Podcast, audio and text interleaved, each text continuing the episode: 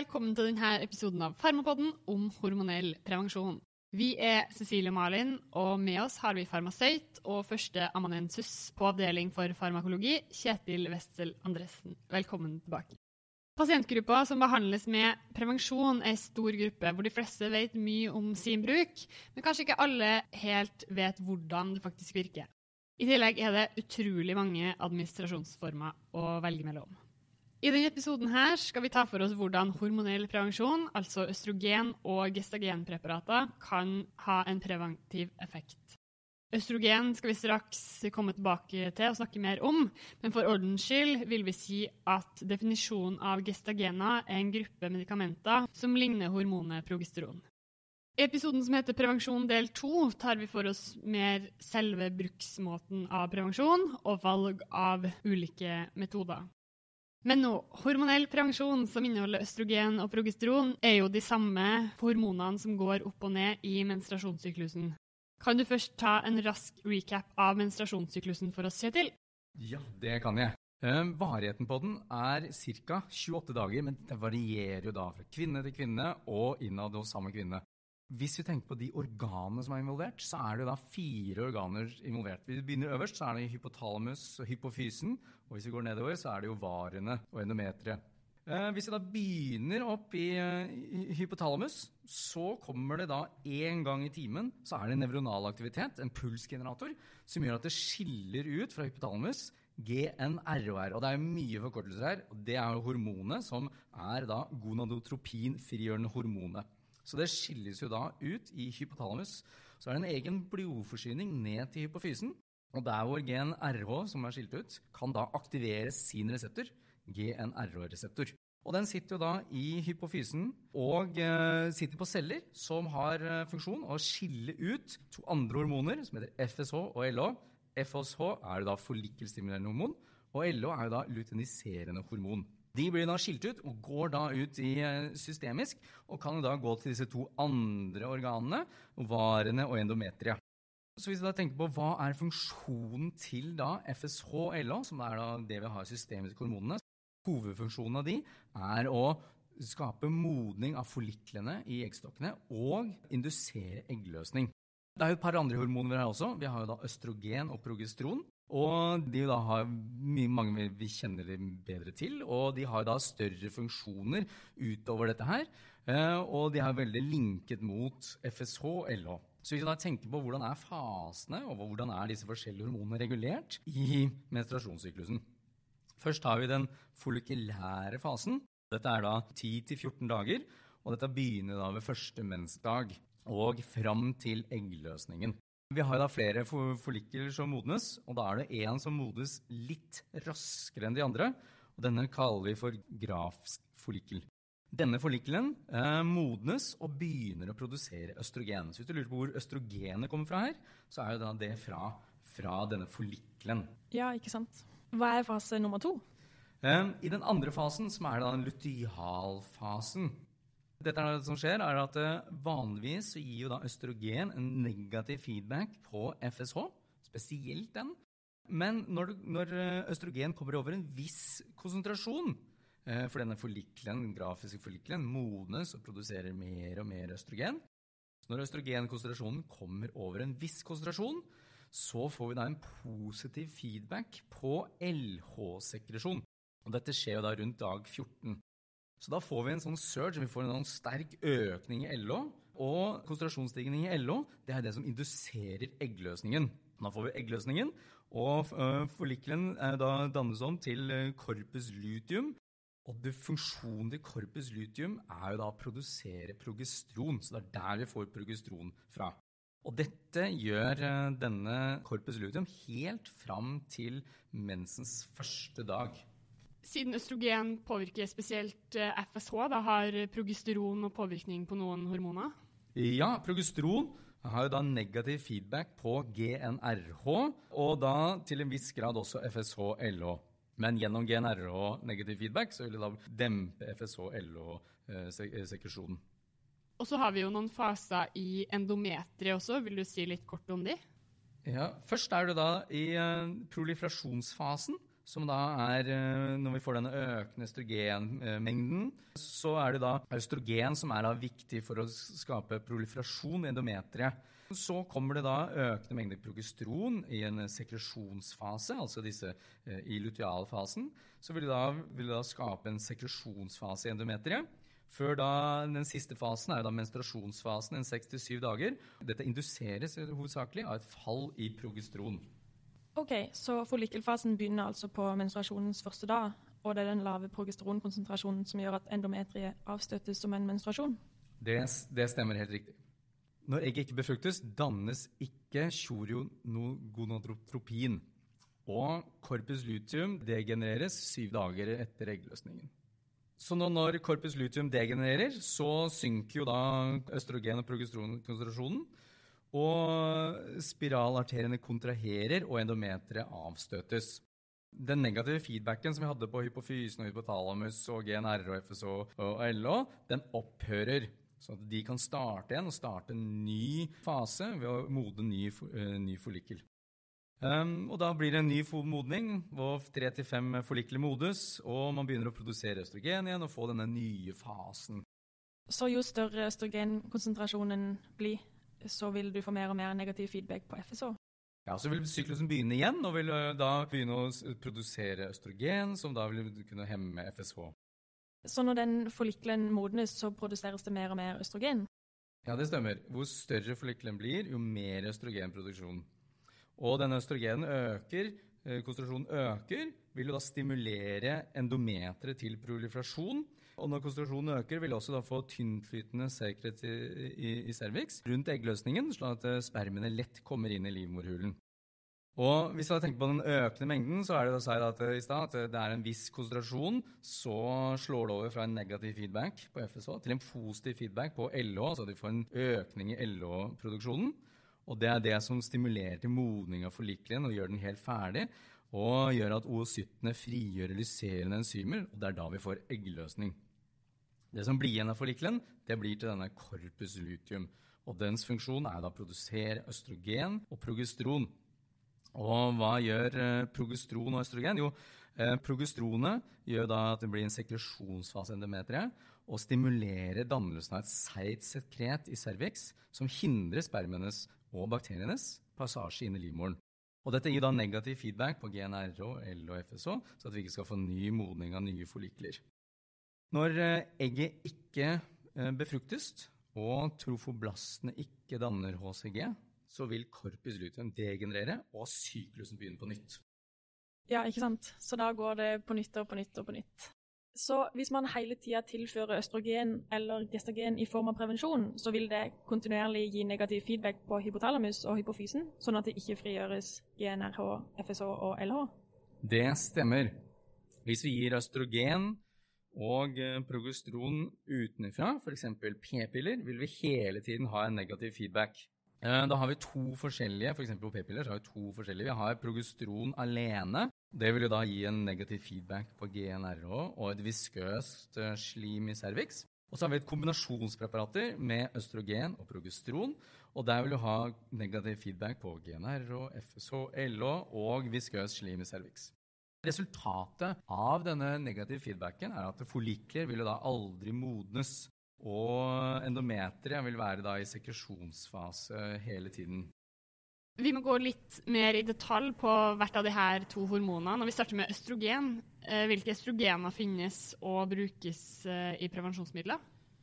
Østrogener er jo da fettløselige steroider.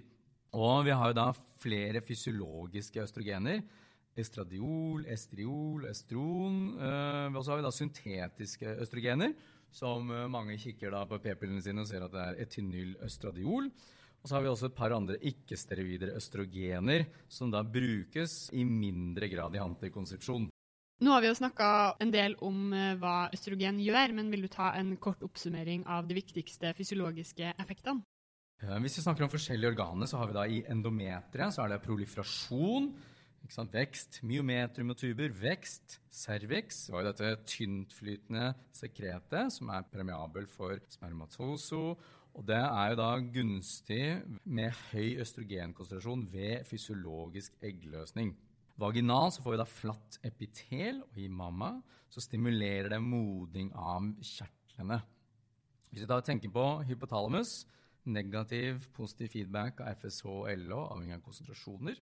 Eh, andre steder hvor vi skaper proliferasjon, er jo da i skjelett, økt bentetthet, lengdevekst, i en viss alder, altså. Ikke noen av oss i rommet her. Eh, men det er jo assosiert en, del bivirkninger som vil da være assosiert med østrogener. Og det er noen vi da er spesielt opptatt av når det gjelder bruk av uh, antikonstitusjonsmidler.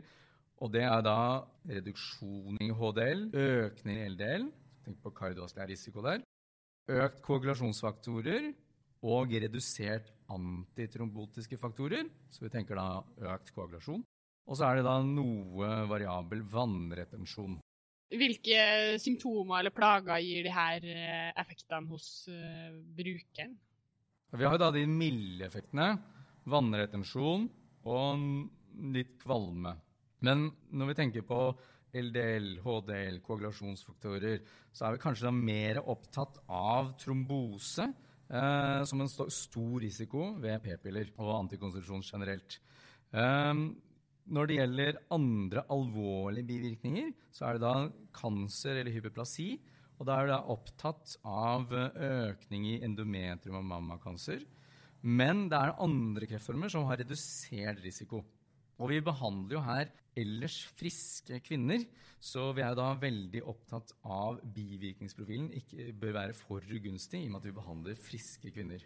Ja, fordi østrogener brukes jo ikke kun eh, som prevensjonsmidler heller. Hvilke andre indikasjoner kan man bruke det på? Eh, østrogener er jo noe som noen ikke har en endogen produksjon av. Visse, hvis du har mangel på det, så kan vi bruke det som substitusjonsterapi. Eller så er jo da den vanlige formen for å mangle østrogen er jo etter menopausen. Så etter overgangsalderen lavere nivåer av østrogener. Da kan vi ha en uh, viss uh, periode hvor vi kan tilfelle hormonell substitusjonsbehandling. Så er det da altså et par andre indikasjoner. Ved hjelp av mye akne så vil det da uh, kunne da induseres enkelte prevensjonsmidler som kan da, som kan da bedre det. Og så er det da off-label-bruk. er jo da stoppe lengdevekst hos jenter, lukke plateepitelene. Dette er en off-label-bruk. Det er ikke noen godkjent indikasjon for dette.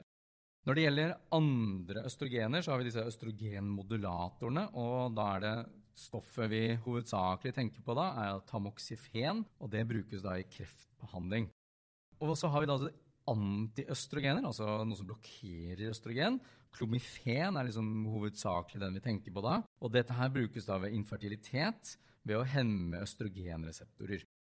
Oppsummert kan vi si at østrogen brukes som prevensjonsmiddel i kombinasjon med progesteron. Dette kaller man da kombinasjonspreparater. Og det gir negativ feedback på FSH, LH og GMRH, samt at det gir viskøst sekret i cervix, som eh, også bidrar i denne antikonseptive effekten. Ellers fører østrogen til proliferasjonsfase i endometriet, modning av kjertler i mamma, samt gir økt beintetthet og lengdevekst i skjelettet. Effektene som er assosiert med bivirkninger, er økt mengde koagulasjonsfaktorer og redusert mengde antitrombotiske faktorer, som gir økt tromboserisiko pluss økt kancerrisiko i endometriet og mamma pga. denne proliferasjonen. Vi går videre til progesteron. Hvilke progesteroner finnes og brukes egentlig som prevensjonsmidler? Eh, vi har jo veldig mange progesteronanaloger. Noretistron, levonogestrel, desogestrel, etonogestrel og disse brukes jo da i første, andre og tredje generasjons eh, preparater. Um, når det gjelder et par andre litt sånn spesielle progestroner, Ulipristal uh, Dette her er da enten en antagonist eller en partiell agonist, avhengig av hvilken litteratur du leser. Dette brukes da i nødprevensjon. Brukes progesteron sammen med østrogen eller alene? Progesteron kan da enten brukes alene, disse progesteron alene-pillene f.eks., eller preparatene, eller så kan vi bruke kombinasjonspreparater med østrogen.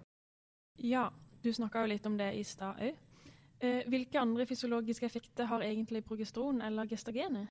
Hvis vi da skiller opp i de forskjellige organene, så snakker vi om da endometrium. Så er det da ansvarlig for den sekretoriske fasen. Og den også hemmer den proliferative effekten av østrogen. I myometrium så reduserer det motilitet, Det er jo det som gjør at vi får eh, kontraksjoner i uterus og menstruasjon, og progestronnivåene synker. For progestron er der for å redusere motilitet. I cervix er det den seige sekretet som hemmer inngang av spermier. Eh, og dermed så også overstyrer det østrogen sin effekt og hemmer den. I mamma så er det vekst av de kjertlene som eh, østrogen har allerede har gjort klart. Hvis du tenker på lever, så er det da litt endring i HDL-LD-ratio.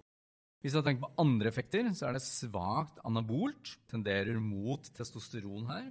Uh, og i hypotalamus-hypofysen så er det en negativ feedback på GNR. og vi er interessert i. Ja, jeg skjønner. Ut fra disse fysiologiske effektene kan man kanskje tenke seg hva bivirkningene blir. Får man noe vektøkning f.eks. pga. den anabole effekten? Det stemmer, det er potensial for det, men det er en liten effekt av veldig store individuelle variasjoner.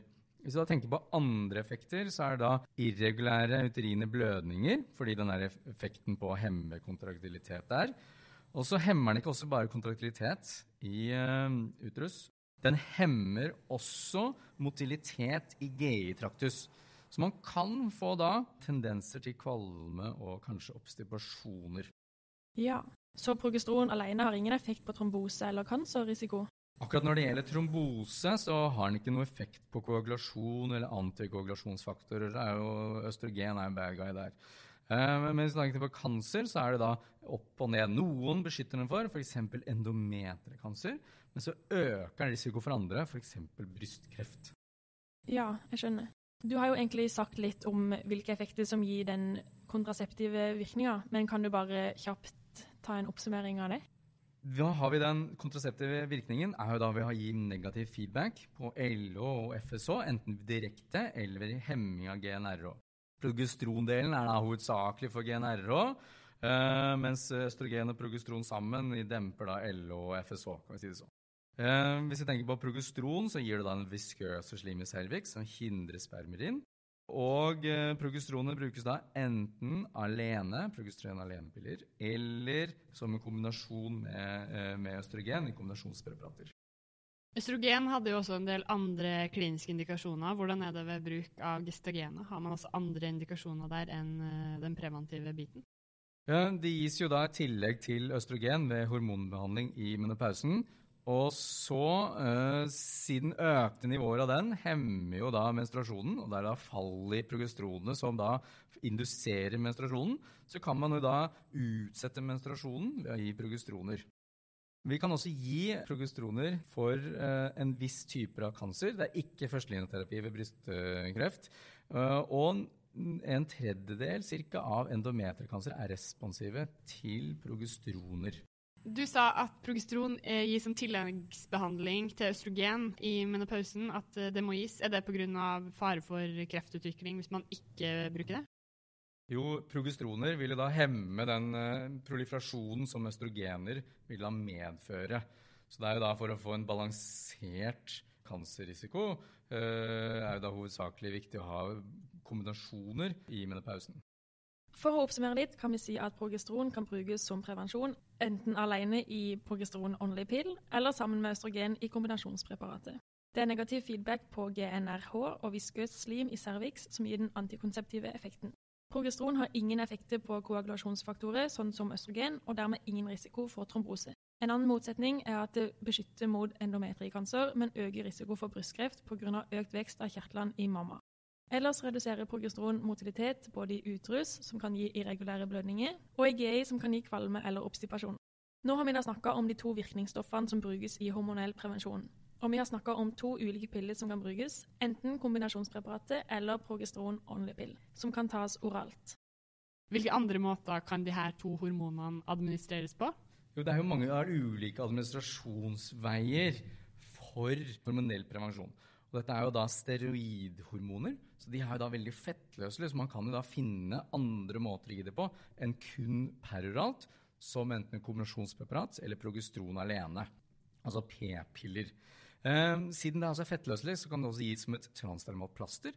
Eh, plasteret eh, settes på huden, og da frigjøres da progestron og østrogener fra dette plasteret i, i syklusen. Man kan også tilføre en vaginal ring, som da gjør at eh, østrogen og progesteron skilles ut lokalt, vaginalt. Men vi da får da en systemisk konsentrasjon. Dette er fettløselige steroider som da vil, vil gå ut systemisk. Det tyder på at det er kanskje litt lavere østrogen systemisk. Og det, hovedsakelig med disse andre administrasjonsveiene vi unngår GI-absorpsjon. Da har vi mindre problemer med behov for tilleggsprevensjon hvis man har diaré. Og dette er spesielt sammenlignet med eh, perorale preparater. Men så har vi også da langtidsbehandlinger her. Vi har da depotinjeksjon i musklene, hvor da kan tilføre og gi da en langsom frigjøring over tre måneder. Um, vi kan da gi en p-stav, eller et dermalt implantat. Og Der er det en langsom frigjøring i huden, rett under huden. Og da er det over tre år på det, det ene preparatet som finnes der. Så er tre måneder tre år. Hvem er det som går lenger? Jo, det er jo da eh, spiraler som kan skille ut progesteron lokalt i uterus tre til fem år, ulike av hvilket preparat du har. Det ser ut da som at man får litt lavere systemisk konsentrasjoner i forhold til depotinjeksjoner og implantat og progesteron alenepiller. Hvis vi da summerer opp, så er jo da de som har kombinasjoner, det er jo da en p-pille, peroralt. Eh, plasterne har jo da kombinasjon av østrogen og progesteron, og vaginalringene har det. Når det gjelder da progesteron alenepiller, så sier jo det seg selv i navnet. Det er kun progesteron. Og kun progesteron finner du også i depotinjeksjoner i musklene, og i dermalimplantatene, og i da spiralene som skiller ut progesteron. Så alle de er da kun progesteron alene. Ja, vi skal snakke litt mer om selve bruken av disse i en annen episode. Men kan du kort bare fortelle hva hovedforskjellen på disse er? Det, forskjellen er jo hvordan man administrerer det. Må man tenke på det daglig? Må man tenke på det ukentlig? Må man tenke på det månedlig? Eller tre måneder, tre år, fem år? Og det er også veldig forskjell på hvor usikre disse her er, eller hvor sikre de er. Og da skiller vi hovedsakelig mellom om man bruker dette preparatet som det skal gjøres, eller hvordan det typisk brukes. Det er en ganske stor forskjell i f.eks. Eh, for, eh, for p-piller. Både kombinasjonspreparater og progesteron alene så er det liksom stor forskjell.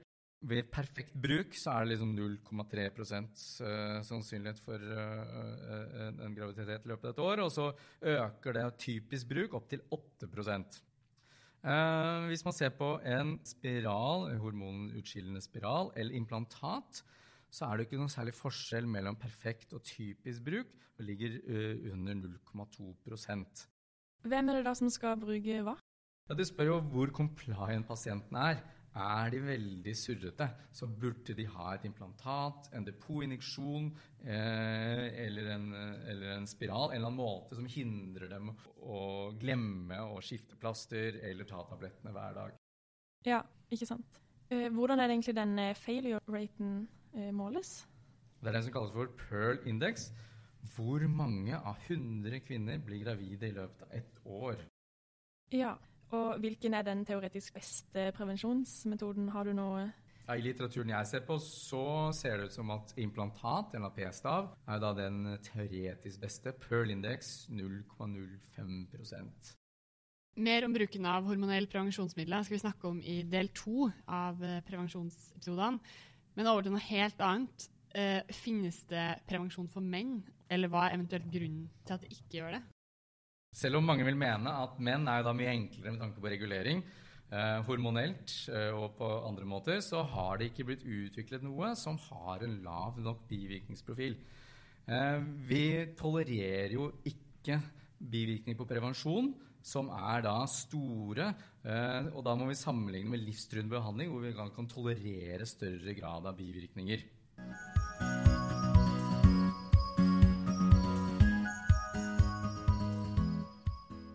Cecilie, klar for eksamen? Ja, nå tror jeg vi har mye å oppsummere. Først snakker vi litt om menstruasjonssyklusen. Denne syklusen involverer fire organer. Hypotalamus, hypofysen, ovarian og endometrie. Og fem hormoner er involvert, som har snakka ganske mye om i dag. GNRH fra hypotalamus, FSH og LH fra hypofysen, og østrogen og progesteron fra ovarian. Det er to faser i ovarian. Follikkelfasen fra menstruasjon til eggløsning, og lutealfase i nøyaktig 14 dager etter eggløsninga og fram til neste menstruasjon. Det er tre faser i endometriet. Første er proliferasjonsfasen, som varer i 7-8 dager og skyldes østrogenpåvirkninger. Den andre er sekresjonsfasen, som kommer da etter proliferasjonen, som varer i 14 dager og tilsvarer lutealfasen. Og Det skyldes progesteronvirkning. Den siste er menstruasjonsfasen, som varer i 6-7 dager og skyldes fallet i progesteron. Syklusen starter da altså på menstruasjonens første dag og skyldes fall i progesteron når egget ikke befruktes og corpus luteum degenereres pga. ingen HCG. Fall i østrogen og progesteron fører også til at den negative feedbacken på hypotalamus og hypofysen forsvinner, sånn at FSH skilles ut og follikkelfasen i ovarian med modning av fem til seks små follikler starter. Det er én follikkel som modnes mer enn de andre, og jo større denne follikkelen blir, desto mer østrogen produseres, og dermed jo mer negativ feedback på hypofysen igjen. LH skilles ut når østrogenkonsentrasjonen blir stor nok og gir eggløsning. Restene av follikkelen dannes til corpus luteum, som produserer progesteron. Syklusen startes så på nytt hvis egget ikke befruktes og corpus luteum degenereres, sånn at progesteronkonsentrasjonen faller. Vil du snakke litt om østrogen og progesteron som prevensjon, Malin? Det kan jeg gjøre. Eh, hvis vi begynner med østrogen, da, så brukes jo det som prevensjon i kombinasjon med progesteron i såkalte kombinasjonspreparater. Og det er negativ feedback, eller det gir negativ feedback på FSH eh, spesielt, men også LH og GNRH og gir også viskøst sekret i cervix. Andre effekter av østrogen er proliferasjon i endometriet, modninga av kjertler i mamma og økt beintetthet og lengdevekst i skjelettet. Østrogen øker også tromboserisiko pga. økt mengde koagulasjonsfaktorer og redusert mengde antitrombotiske faktorer, pluss økt kancerrisiko i endometriet og mamma pga. denne proliferasjonen. Så over på progesteron. Progesteron kan brukes som prevensjon enten alene eller sammen med østrogen. Det gir negativ feedback spesielt på GNRH og et viskøst slim i cervix som den antikonseptive effekten. Gestagenprevensjon skiller seg fra østrogen ved at det ikke har noen eh, tromboserisiko, og det beskytter også mot endometriekancer. Ellers reduserer progesteron motilitet både i uterus, som kan gi irregulære blødninger, og i GI, som kan gi kvalme eller obstipasjon. Hormonell prevensjon kan gis oralt som p-pille. Det kan også gis som transdermalt plaster, vaginalring, spiral, p-stav eller som injeksjon.